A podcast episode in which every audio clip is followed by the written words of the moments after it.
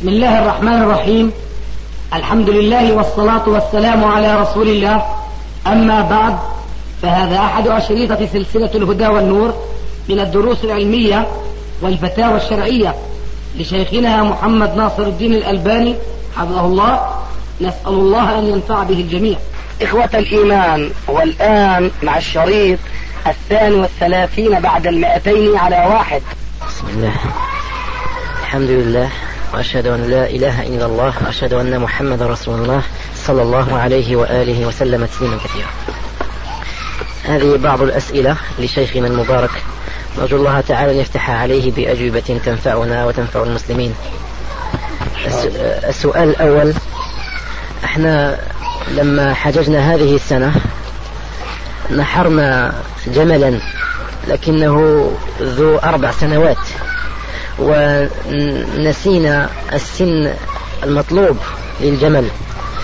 فهل نطالب بذبح أو بنحر جديد أو نكتفي بما ذبحناه نظرا لجهلنا أو نسياننا؟ يكتفى بما فعلتم. يكتفى بما فعلتم. جزاكم الله. ما دمتم كنتم غير قاصدين. نعم. نعم. السؤال الثاني نرجو من فضيلتكم نصيحة الشباب خاصة في بعض مناهج الدعوة إلى الله تعالى. لأن الشباب يملكون آه، قوة جبارة ويريدون استفراغ ما يملكون من هذه القوى في سبيل إرضاء الله تعالى لكنهم قد لا يعرفون السبل التي تبلغهم رضاة تبارك وتعالى. لقد ظهرت في بلدنا جماعة تسمت بجماعة الأمر بالمعروف والنهي عن المنكر. وعمل هذه الجماعة أن تذهب مثلا إلى حانة فتنهى صاحبها فإن لم ينتهي كسرت كل شيء. ونريد كلمة حول تنظيم العمل الجماعي هذا. وجزاكم الله خيرا. إن الحمد لله نحمده ونستعينه ونستغفره ونعوذ بالله من شرور أنفسنا ومن سيئات أعمالنا. من يهدي الله فلا مضل له ومن يضلل فلا هادي له وأشهد أن لا إله إلا الله وحده لا شريك له وأشهد أن محمدا عبده ورسوله. أما بعد وصيتي لإخواننا الشباب المسلم في كل نواحي البلاد الإسلامية أمران اثنان. أولهما أن يتوجهوا للتفقه في دين الله تبارك وتعالى. على ضوء الكتاب والسنة وأن لا يستعجل الأمور قبل أوانها. فقد قيل من استعجل الأمر قبل أوانه ابتلي بحرمانه. ونحن نشاهد اليوم أن هؤلاء الشباب المتحمسين لا يكادون يتعلمون إلا قليلا من العلم وإذا بهم يرون أنفسهم قد أصبحوا هذا الحل والعقد والأمر والنهي ويترتب من وراء ذلك بسبب ضآلة علمهم أن لا يحسنوا القيام ببعض الواجبات الكفائية والتي ليست هي بالواجبات العينية كالأمر بالمعروف والنهي عن المنكر. ومن المعلوم شرعا أن الأمر بالمعروف والنهي عن المنكر يجب أن يكون أيضا بالمعروف وليس بالشيء المنكر. ومن المعروف والنهي عن المنكر أن يترتب وراء الأمر بالمعروف والنهي عن المنكر مفسدة كبرى هي أكبر من المصلحة. أو المفسدة من المصلحة التي يريدون تحقيقها أو المفسدة التي يريدون القضاء عليها. فإذا ترتب من وراء ذلك الأمر بالمعروف أو النهي عن المنكر تلك المفسدة الكبرى. فهنا يقول أهل العلم أنه لا يجوز المبادرة إلى مثل ذاك الأمر بالمعروف وإلى مثل ذاك النهي عن المنكر. فإذا أمروا بالمعروف فيجب أن يكون أمرهم بالمعروف. وإذا نهوا عن المنكر فيجب أن يكون كذلك نهيهم عن المنكر بالمعروف. والمعروف بلا شك إنما يكون إذا كان موافقا للكتاب والسنة. ومن المقرر عند أهل العلم أنه إذا دار الأمر بين مفسدتين إحداهما أكبر من الأخرى ارتكبت الصورة في سبيل دفع الكبرى بها. ومما يستدل على ذلك قصة أمر النبي صلى الله عليه وسلم لعائشة أن تصلي الصلاة في الحجر لما رأت النبي صلى الله عليه وآله وسلم دخل جوف الكعبة وصلى فيها ركعتين فأرادت هي رضي الله عنها أن تقتدي بنبيها وأن تدخل إلى جوف كعبة ربها. فقال لها عليه الصلاة والسلام صلي في الحجر فإنه من البيت وإن قومك لما قصرت بهم النفقة أخرجوا الحجر من البيت. ولولا أن قومك حديث عهد بالشرك لهدمت الكعبة ولبنيتها على أساس إبراهيم عليه السلام ولجعلت لها بابين مع الأرض. بابا يدخلون منه وبابا يخرجون منه. فلم يغير رسول الله صلى الله عليه وسلم بناء الكعبة على ما تركته عليه أهل الجاهلية وهو قاصر عن البناء الذي كان إبراهيم عليه السلام أقام قواعده عليها فمع ذلك فقد أعرض الرسول عليه السلام عن تجديد بناء الكعبة خشية أن تثور في بعض الناس فتنة تردهم عن كثير من دينهم. وإذا كان الأمر كذلك أي كان من الواجب الأمر بالمعروف والنهي عن المنكر بالمعروف شرعا فأرى أنه يجب على القائمين بهذه الفريضة فريضة الأمر بالمعروف والنهي عن المنكر وبخاصة في بعض الدول بل لا بأس أن نقول في كل الدول الإسلامية التي لا تسمح لأفراد المسلمين أن يقوموا بهذه الحسوة وبهذا الواجب.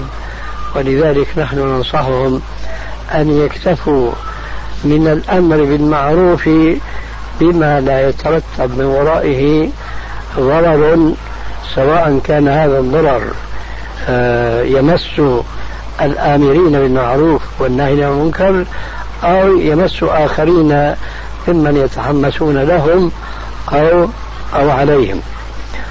لذلك آه هذه الصورة التي سمعتها آنفا وهي في بلادكم. وما أعتقد أن بلادكم أصبحت التعبير العصري اليوم ديمقراطية بمعنى أنه يسمح فيها أن يتصرف كل فرد على ما يرى من حريته والآخرون أيضا يسمحون لهم بأن يفعلوا ما شاءوا. هذا بلا شك. مما لم تصل إليه الدول العربية بل ولا الدول الغربية لأن هذه الصورة فيها اعتداء مباشر على المواقعين والمنتهكين لحرمات الله تبارك وتعالى.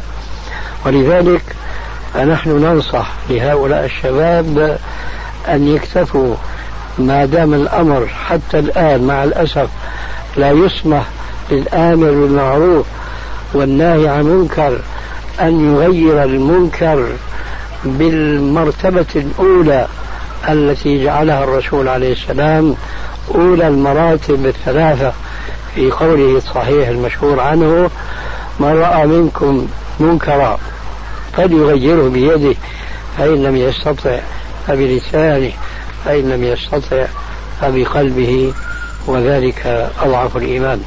لا شك أن تغيير المنكر باليد له آثار عظيمة ومفيدة جدا في المجتمع الإسلامي. ولكن مع الأسف الشديد إن مجتمعنا اليوم ليس مجتمعا إسلاميا.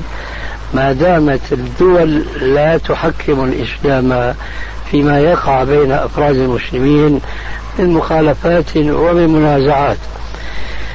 ونحن نعرف بالتجربة الواقعة في العصر الحاضر أن مثل هذا التقدم أو مثل هذه الجرأة في تغيير المنكر باليد وبكسر الأشياء المحرمة في مثل هذه البلاد التي نحياها اليوم والتي لا تحكم شرع الله تعود نتيجة ذلك بنقيض ما يريده أهل الإصلاح أهل الأمر بالمعروف والنهي عن المنكر. تكون النتيجة أن هذا الحماس ستنطفئ شعلته بسبب معاكسة الدولة لهؤلاء الشباب المتحمسين بحيث أنهم يضطرونهم في نهاية الأمر إلى أن يقبعوا في دورهم وأن لا يأمروا بالمعروف حتى ولو بالكلمة الطيبة. لذلك أنصح لهؤلاء الشباب في كل البلاد الإسلامية أن يأمروا بالمعروف أمرا لا يترتب من ورائه مفسدة كبرى. هذا ما عندي جوابا عن هذا السؤال. السؤال الذي بعده نريد تفصيلا في معنى الجلباب. لأنك آه، ذهبت إلى أن الجلباب ما يغطي من الرأس إلى القدمين. وقد وجدنا في بعض كتب اللغة الاختلاف الواسع في هذا. منهم من يقول هو الدرع السابغ منهم من يقول هو الخمار ومنهم من يقول كما ذكرت شيخنا. آه، فنريد التفصيل. جزاكم الله خيرا. ووجه الترجيح. عفوا أشكل علي قولك بأن منهم من يقول بأن الجلباب هو الخمار. نعم. ما هو الخمار الذي تعنيه أنت في قولك أنهم قالوا إنه هو الجلباب؟ لأن المعروف أن الجلباب هو غطاء الرأس وليس هو الثوب السابغ الذي يغطي بدن المرأة من رأسها إلى قدمها. فمن الذي يقول أن الجلباب هو الخمار فيما تعلم؟ حسب ما ذكرت. هذا أمر مستغرب جدا. من من قال ذلك؟ في لسان لسان العرب. إيه؟ يذكر هذا. يذكر ويقول قيل هكذا. يذكر أن الجلباب هو الخمار؟ الخمار نعم. هذا لا يمكن أن يقال لأنك تعلم أن في القرآن آيتين. آية تأمر النساء بوضع الجلباب وآية تأمر بوضع الخمار.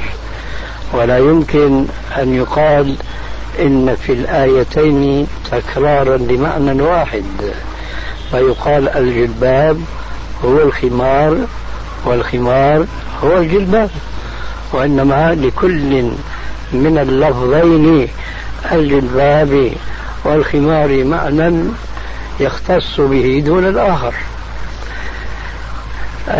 تعلم المرأة مثلا في بيتها حينما تقوم لتصلي الصلاة المفروض عليها وتكون عادة وهي في دارها حاسرة الرأس فتلقي على رأسها الخمار وكما قال عليه السلام لا يقبل الله صلاة حائض إلا بخمار وليس المقصود هنا إطلاقا الجلباب وإنما المقصود هو غطاء الرأس ومن الأدلة على ذلك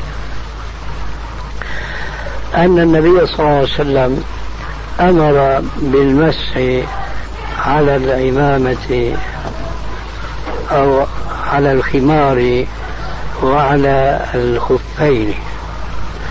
والخمار أقصد بهذا الحديث أنه يدل على أنه لباس يشترك في تعاطيه الرجال والنساء. الذكور والإناث. ليس من المفهوم المتبادر لمن يفقه اللغة العربية أن الرجل يلقي على نفسه الجلباب لكنه يلقي على رأسه الخمار. فالذي يوضع على رأسه الخمار يجوز له أن يمسح عليه سواء كان رجلا أو كان امرأة. الذي أردت بهذا الكلام هو التثبت أولا. آه شكرا. التثبت أولا من النقل في اللغة العربية. وثانيا إذا انتهيت أخيرا إلى القول بأنه في اللسان العرب يقول في تفسير الجلباب وقيل إنه ثمار فحسبك مما نقلت تضعيفا لهذا المنقول لأنه قال وقيل.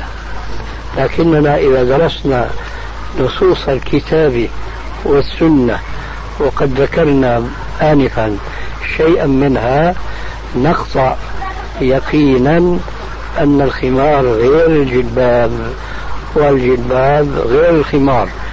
وبإيجاز الخمار أقصر سترا من الجلباب والجباب أوسع دائرة في تحقيق الستر.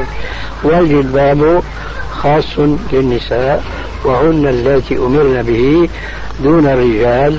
أما الخمار فأمر مشترك وإن كان الرجل ليس مأمورا بذلك لكنه أمر مشترك بين الرجال والنساء كالقميص تماما.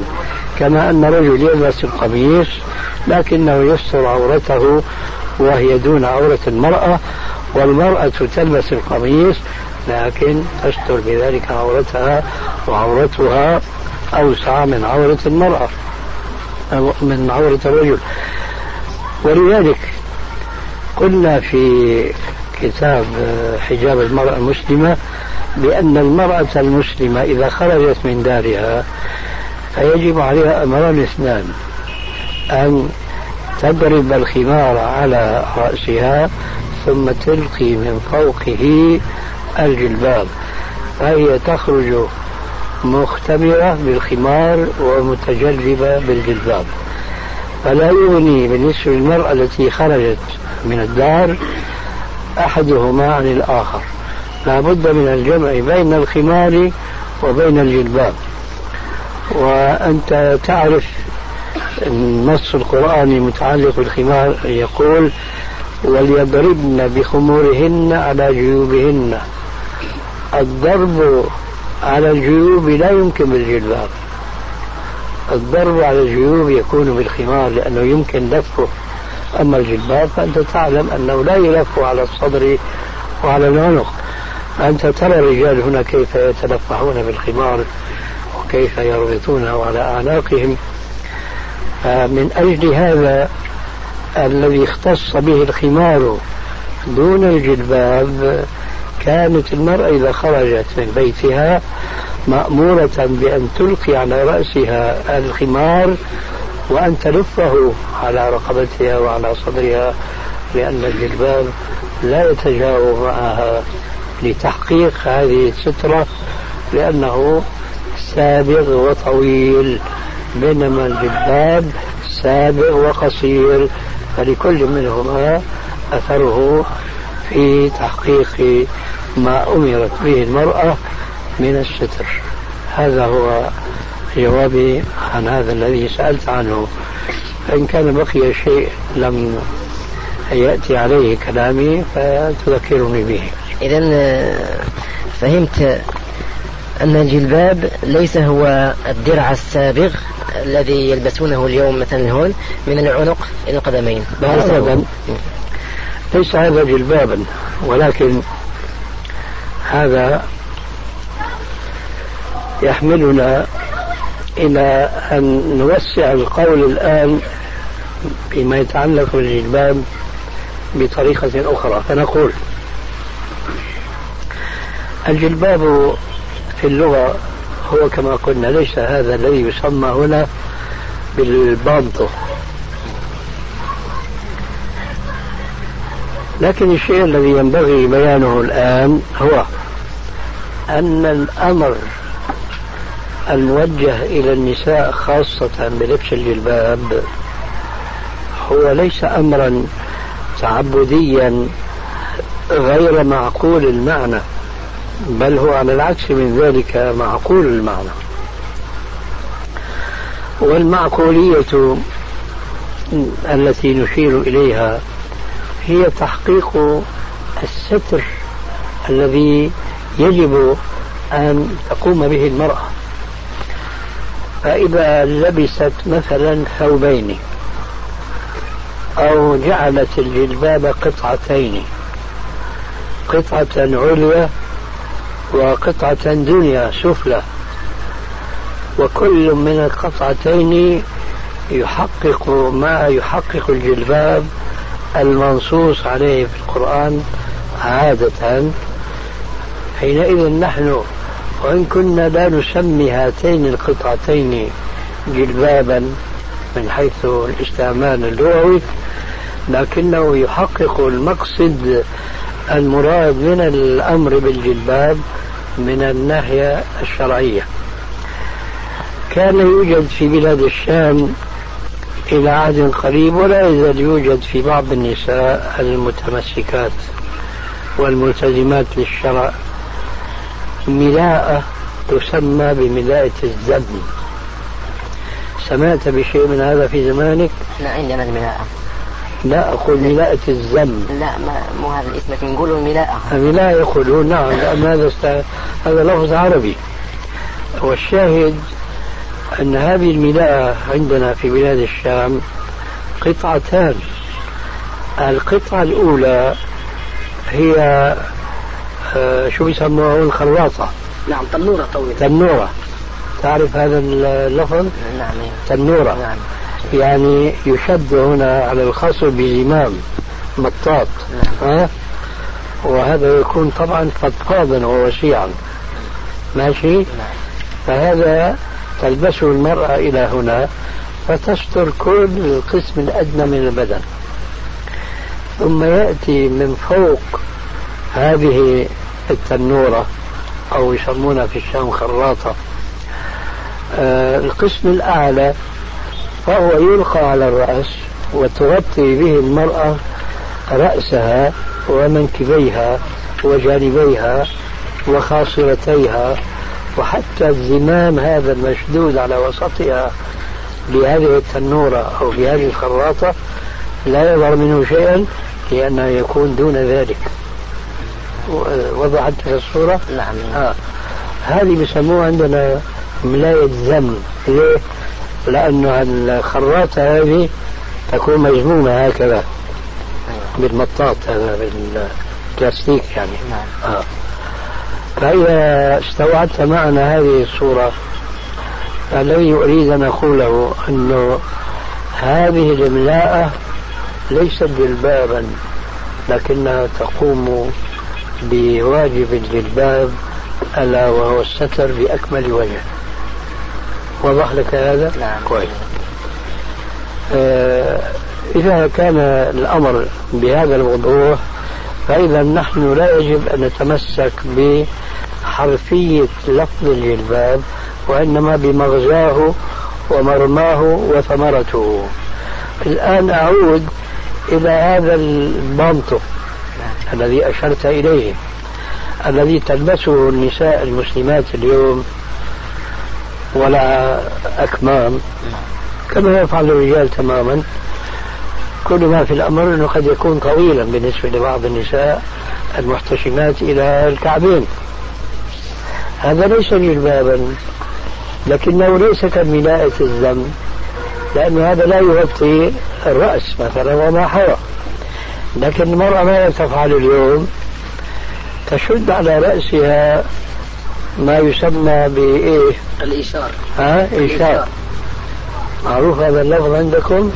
الخمار الصغير الذي نعم. يشد على الرأس وقد يبدو شيء من من الناصية من مقدمة الرأس نعم. وقد يبدو أيضا شيء من العنق لأنه صغير إيش؟ الحجم. لهذا طبعا لا يحقق الجلباب كما معنى الجلباب وغاية الجلباب كما تحدثنا عن بداية الذم واضح؟ نعم. آه. فإذا فرضنا أن هذه المرأة اللابسة لهذا المنطق نسميه ولا ماذا تسمونه أنتم؟ نحن نسميه حجاب هذا الذي لا يغطي الرأس؟ نعم نسميه حجاب ما هذا خطأ المهم إذا لبست هذا النوع من الحجاب ثم ألقت على رأسها الخمار فهذا الخمار يجب أن يلقى عليه حجاب. وقلنا أن هناك آيتان. يعني جلباب. جلباب. ها. هذا الجلباب يكفي أن يكون نصفيا كما قلنا آنفا بالنسبة لبداية الذنب فإذا إذا المرأة التي لبست هذا الذي تسمونه الجلباب ولو أكمام. نعم. وألقت على رأسها الخمار الشرعي وليس هذا الذي يسمى بالإشار ثم ألقت فوق هذا الخمار ثوبا نصفيا يغطي نصف بدنها بحيث آه، تغطي مناكبها وتغطي أيضا يديها. فحينئذ يكون الأمر مسلوكا ومقبولا بالنسبة للشرع. أيوة جزاك الله. واضح؟ نعم بارك الله فيك. شيخنا يقال له هذا البرنس اليانس أو البرنس اللي هو النصف الآخر الآن بالتسمية بين الناس. البرنس أو اليانس. البرنس البرنس معروف عندهم أليس كذلك؟ نعم. لكن البرنس يكون طويلا عادة. أيوة. نعم. أيه؟ يعني برنس كالعباءة عندنا. أي نعم لكن يكون للمنتصف لا عندي يعني. لا عندهم ما يكون المنتصف طويل. طويل. طويل. طويل عندنا. أي نعم. آه، حكم تشريح الموتى أو بتعبير آخر آه، هل يجوز للمسلم أن يشتغل في الطب الجنائي؟ هذا هو. لا يجوز عندي لأن الرسول عليه السلام كان يقول كسر عظم الميت ككسره حيا وهذا الطب الجنائي الذي يستلزم تشريح جثث كثير من الموتى هذا أسلوب غربي كافر آه، لا يقيم وزنا للموتى ولا يحترمهم ولا يقدرهم الذي لا يليق إلا بالله تبارك وتعالى ولذلك كان شرعنا شرعا وسطا كما هو معلوم. وفي هذه الجزئية بصورة خاصة جاء الحديث الصحيح ليجمع بين الأمرين من احترام الميت ومن عدم الغلو في احترامه. ذاك هو قوله عليه السلام لا تجلسوا على القبور ولا تصلوا إليها. فنهيه صلى الله عليه وآله وسلم عن الجلوس على القبر هو احترام للميت ودفع الإهانة عنه. ونهيه عن الصلاة إلى الميت هو لكي لا يعظم تعظيم الاستقبال ما أمر الله باستقباله كالكعبة مثلا. الكفار يخلطون بين الأمرين. فهم في الوقت الذي قد يعظمون بعض الموتى بحيث يطوفون حولهم ويعكفون على قبورهم كما هو معروف بالنسبة لبعض الكفار الملاحدة كقبر لينين والسارين ونحو ذلك. ومن جهة أخرى الميت لا حرمة لديه. عند كثيرين من الكفار إن نقول كلهم وبخاصة المجوس والبوذيون الذين يكون مصير أحدهم أن يحرق بالنار. هذا كله خلاف الشرع الذي يقدر للميت بعد موته شيئا من الحرمة ولكنه ينهى عن المبالغة والغلو فيها. فمن هذا القبيل والإخلال بالأدب القرآن الشرعي الحديثي النبوي هو تشريح جثث الموتى. فقد قال عليه السلام كسر عظم الميت ككسره حيا جاء في رواية كسر عظم الميت المؤمن ككسره حيا وأنا أجد في هذه اللفظة التي أعتبرها صفة كاشفة للميت آه، يعني مجالا يفصح أمام أطباء المسلمين أن يتخذوا جثث غير المسلمين وسيلا لتحقيق ما هو بصدد ما هو بصدده من الاطلاع على بعض الأمراض أو بعض الأسرار الباطنية للأجساد أو نحو ذلك. أما أن يأتوا لموتى المسلمين ويشرحوها كما يشرحون جثث الكفار فهذا لا يجوز في دين الإسلام. واضح إن شاء الله؟ نعم. طيب. شيخ سؤال عن الرقية. هل عمل الرقية أمر توقيفي أو اجتهادي؟ يعني هل إذا جربنا طريقة معينة خالية من الشرك أرقوا ما لم يكن شركا انطلاقا من هذا النص. هل يجوز هذا أم لا يجوز؟ أرى في حدود ما قيدت أنه يجوز إذا لم يكن هناك يعني أي شيء مما يخالف الشريعة كأن يتوهم هناك أنه في أسرار خفية أو يتوهم أنه في يعني أن يكون هناك أضرار أيضا غير ملموسة فبالشرط وبالقيد الذي ذكرته ما أرى بذلك بأسا.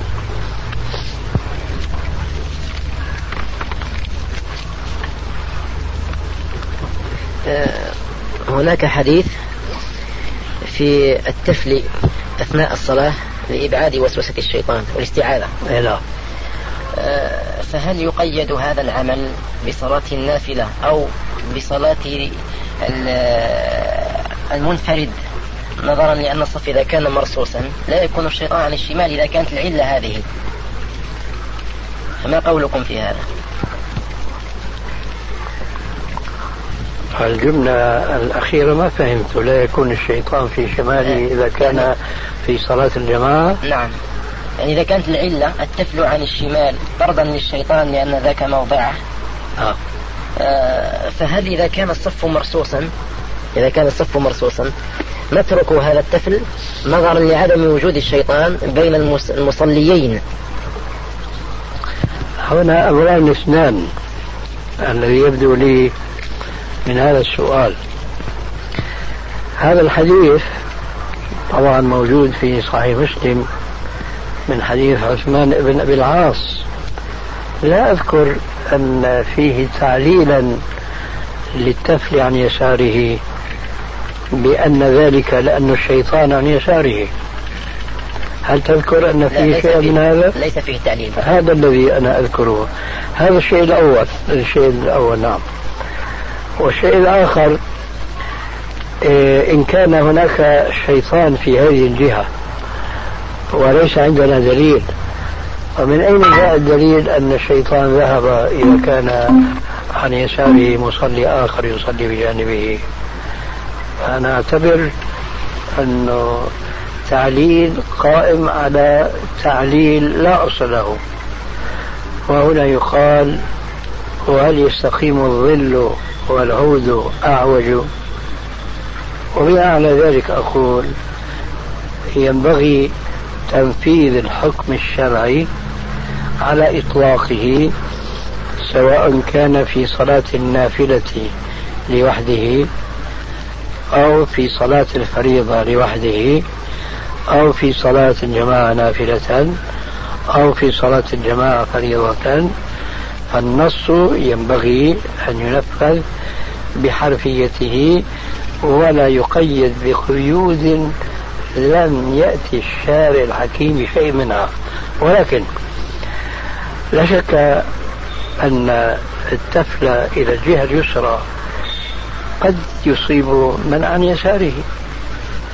لكن هذه ليست مشكلة لأن بإمكانه أن يدخل وأن يحول بين وصول رشاش الطفل إلى صاحبه.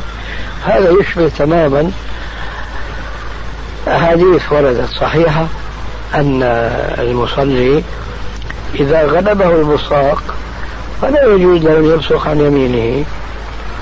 ولا يجوز له أن يبصق أمامه إلى قبلته التي يصلي إليها وإنما عن يساره تحت قدمه.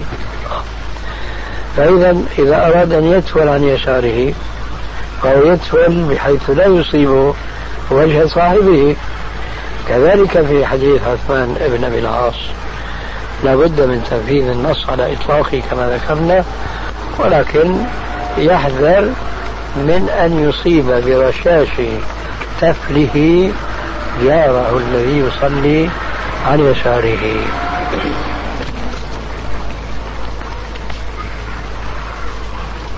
صلاة المسافر المسبوق الذي لم يدرك من الصلاة شيئا أو أدرك ركعة واحدة فهل يصليها تماما.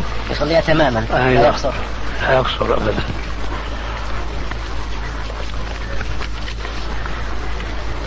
رجل مسبوق في الصلاة لما سلم الإمام سجد للسهو من؟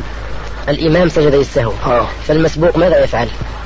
يتابعه حتما يسجد للسهو؟ أي نعم حتى لا يسلم. يسلم الإمام سلم يا لا يسلم معه لكنه إذا الإمام سلم ثم سجد لأنه يجوز الوجهان نعم. يجوز للإمام أن يسجد سجدتي السهو بعد السلام وقبل السلام. فإذا الإمام سلم فمعنى ذلك أنه لم يخالف الشرع. فهو المقتدي إذا كان يعلم أن الإمام سجد عفوا ساعة وأن وأن عليه السجود بطبيعة الحال هنا يرد ما قلته آنفا. يجب عليه متابعة.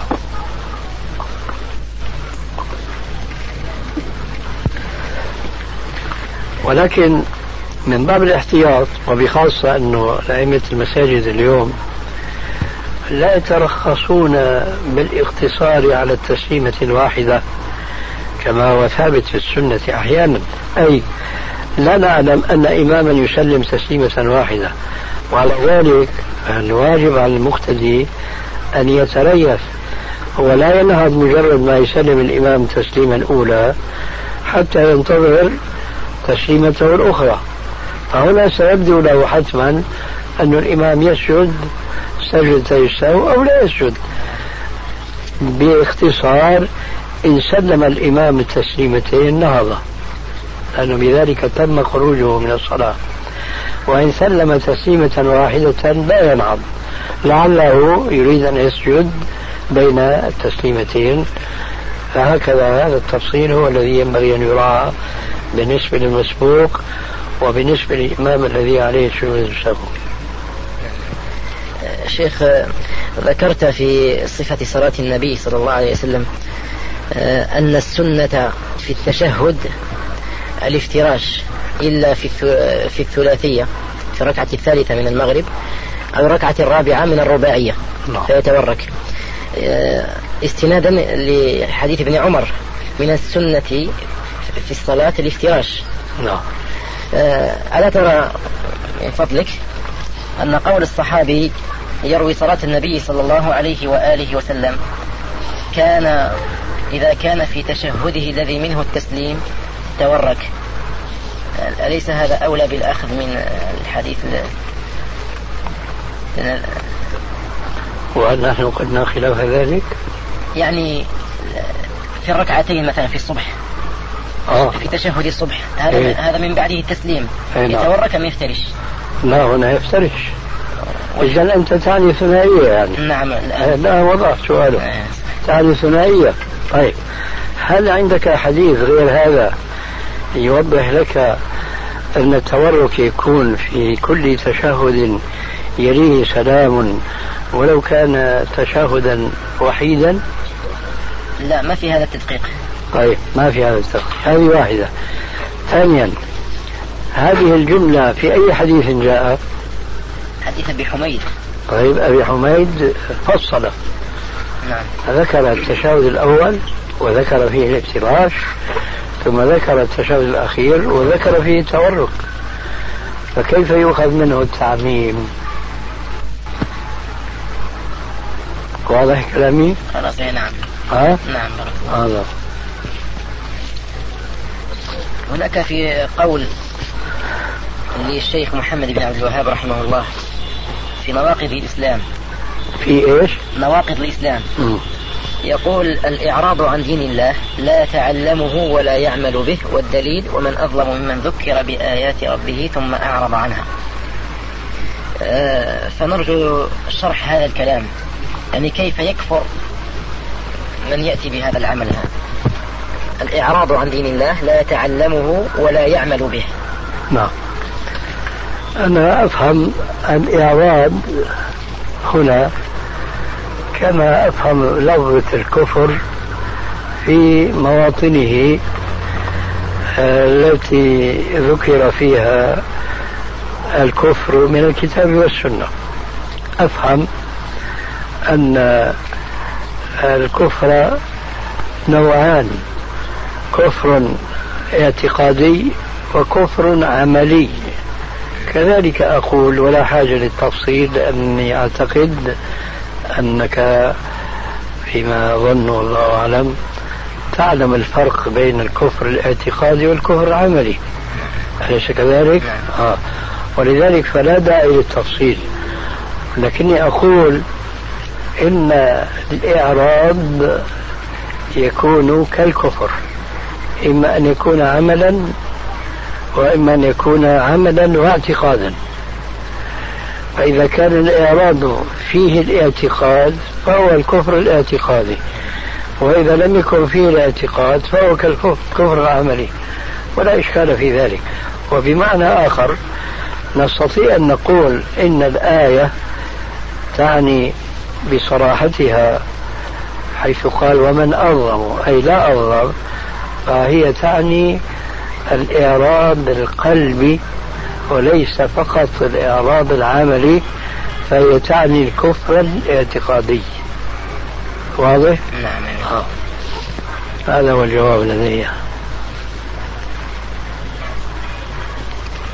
آه ذكر ابن تيمية عليه رحمة الله أن من سنة الصلاة مثلا في صبح يوم الجمعة قراءة الإمام لسورة السجدة وسورة الإنسان.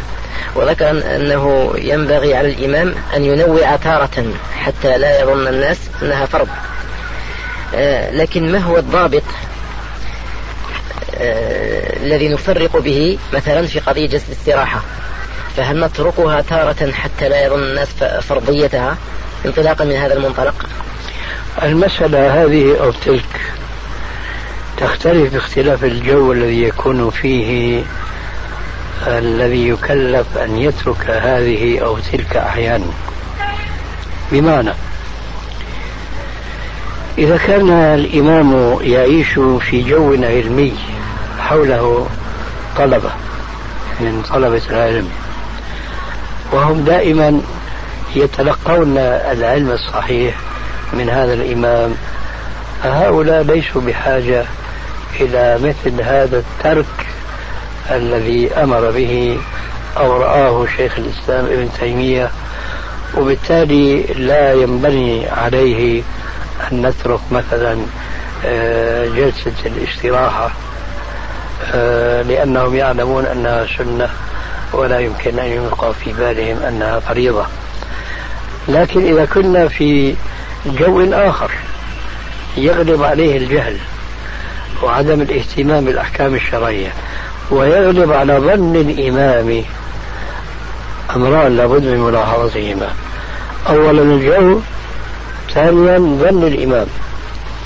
يغلب على ظنه أن الذين يقتدون به في الصلاة هم يقتدون به في كل حركاته وسكناته. وأنهم هم أتبع له كما يقال قديما من ظله.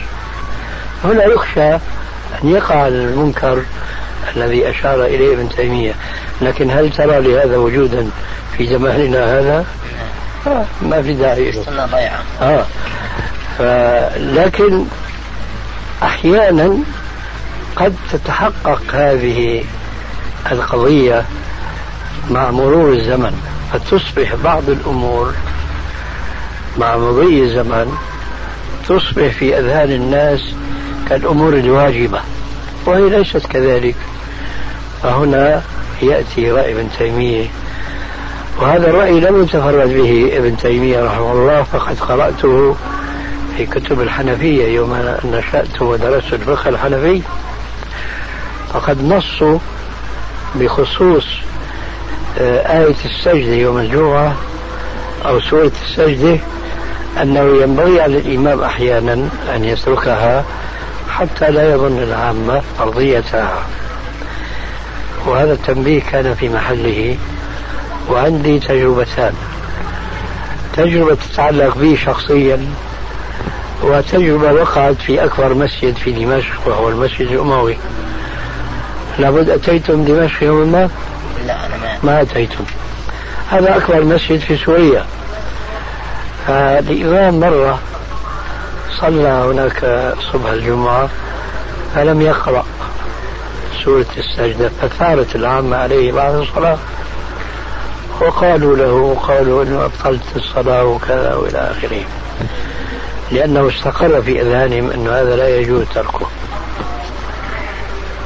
أما ما يتعلق بي أنا شخصيا فوقعت لي القصة الآتية العجيبة الطريفة. في عندنا قرية تبعد عن دمشق نحو خمسين كيلومتر. هي مصيف من المصايف جبل. فكنت مصيف هناك. ونزلت صبح الجمعة إلى مسجد صلاة الفجر. فاتفق أن الإمام لم يحضر. فنظروا فوجدوا شابا ملتهيا فحسنوا الظن بي وقدموني فصليت بهم. أنا يومئذ كنت أشعر بأني لا أحسن حفظ سورة السجدة دون ارتجاج فرأيت أنه أتركها إلى ما أنا أحفظه من القرآن الكريم. فابتدأت في الركعة الأولى بسورة مريم عليها السلام. كاف ها يا عين صاد إلى آخره قرأت منها صفحتين. فلما ركعت وإذا بالناس خلفي كلهم يسجدون.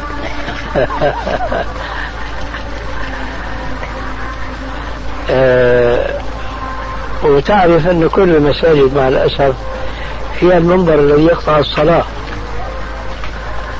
الذين خلفي انتبهوا لخطائهم. فقاموا واداركوا الأمر وشاركوني الركوع. أما الذين خلف المنبر إلى الجهة اليمينية لم يزالوا ساجدين حتى سمعوا قولي سمع الله لمن حمده. هناك بدأت إيش الشوشرة والكلام والصياح وإلى بعد الصلاة طبعا أنا وعظتهم وذكرتهم. بقي في ذهني كلمات قلتها يومئذ. قلت له يا جماعة أنتم عجم ولا عرب إذا كنتم عجما كنتم فرقتم بين ألف لام ميم وبين كاف ها يا عين صاد. لكن يبدو أنه عقولكم ليست في الصلاة إنما هي وراء الزرع والضرع والبقر. إيه، فهناك في هذه الحادثة بالنسبة إلي بدت لي الحكمة التي كنت قرأتها في المذهب الحنفي وقال بها ابن تيمية.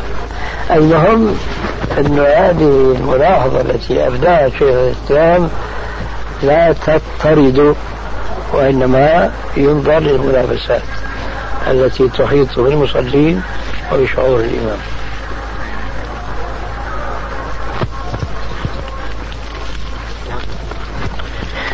بسم الله والصلاة والسلام على رسول الله صلى الله عليه وسلم. السؤال ذكر ابن حجر عليه رحمة الله في بلوغه حديثا وهو قول النبي عليه الصلاة والسلام إذا فسى أحدكم في في صلاته فليتوضأ وليعد الصلاة. قال أخرجه الأربعة وصححه ابن حبان. وقلتم في المشكات أن هذا الحديث فيه رجل اسمه على ما أظن عيسى بن جبار. قال فيه ابن عبد البر وهو ممن لا يحتج به. وبهذا قال ابن حجر أيضا في التقريب. ثم قلتم وبهذا أو لهذا أوردته في ضعيف السنن. وإذا علم بأن هذا الحديث حديث ضعيف فهل يمكن القول بأن من أحدث في صلاته عليه أن يتوضأ ثم يبني على ما ترك من صلاته. وذلك استدلالا بحديث رواه ابن ماجه في سننه وهو حديث صحيح. وقد بوب له بابا فقال باب ما جاء في البناء على الصلاة وهو ذلك الحديث أن النبي عليه الصلاة والسلام صلى بالصحابة ثم أشار إليهم أن أمكثوا ثم ذهب فاغتسل ثم رجع فصلى بهم. ثم قال لهم بعد فراغه من صلاته قال لهم إني, خر إني خرجت إليكم جنبا وإني نسيت حتى قمت في الصلاة. فكيف يمكن التوفيق بين هذين الحديثين؟ السؤال أي الحديثين؟ الحديث الأول إذا فسى أحدكم في صلاته. بارك الله فيك. ما دام عرفت أنه حديث ضعيف نعم. فكيف تطلب التوفيق بينه وبين يعني الحديث الصحيح؟ يعني ابن حبان يعني يصححه.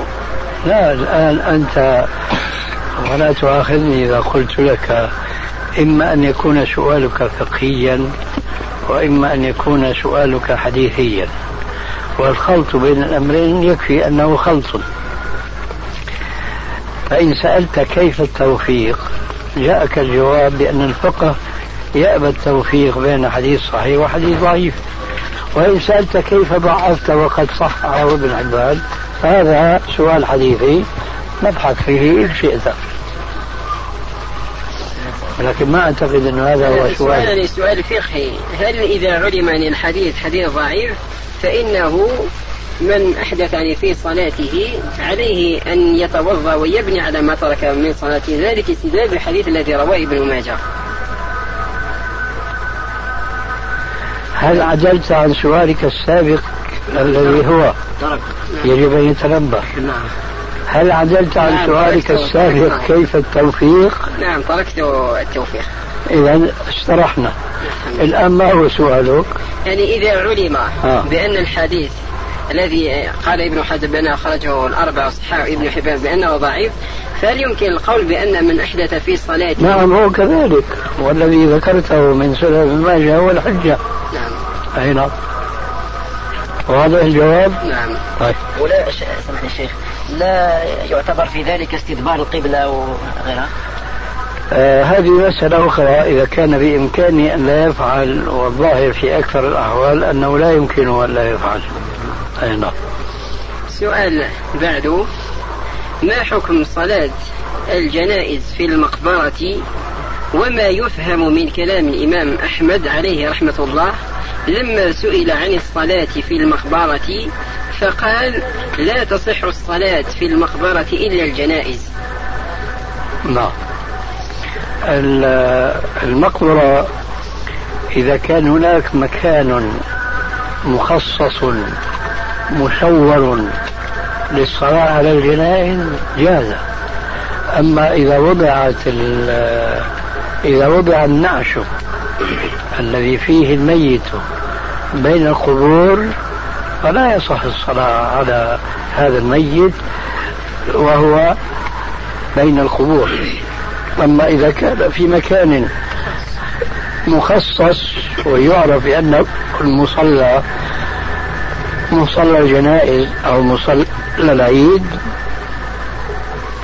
ويكون كما ذكرت آنفا مشورا صحت صلاة الجنازة وصحت صلاة العيد وإلا فلا. نعم. أستاذنا حديث آه، السوداء. المرأة السوداء. نعم. شو؟ يعني لما صلى عليها الرسول صلى الله عليه وسلم في المقبرة. نعم. طب يعني ألا يكون هذا يعني يوفق بين لا أخي ما هو ما صلى عليها في المقبرة. صلى عليها وهي في قبرها. نعم. هو السؤال غير هذا. أي نعم. أليس كذلك؟ نعم. جزاك الله الذي بعده ما حكم المشي في الصلاة بعد تسليم الإمام باحثا عن السترة؟ كأنك تريد أن تقول أن هذا السؤال بالنسبة للمسبوق يعني. نعم. ولم تذكر المسبوق. نعم. اكتفيت بفهم السامع. إذا كان هذا البحث يشغله عما هو في صدده من الإقبال على صلاته فليصلي مكانه. وإذا كان هذا البحث لا يكلفه شيئا كثيرا كأن يأخذ يمينا أو يسارا أو يتقدم خطوة أو خطوتين فلا بأس في ذلك. لأن هذا المسبوق لا يزال في حكم المقتدي. وسترة الإمام سترة من خلفه. ولكن لا شك أنه إذا تستر بسترة في إتمامه لصلاته فذلك أكمل له لدفع من قد يمر بين يديه.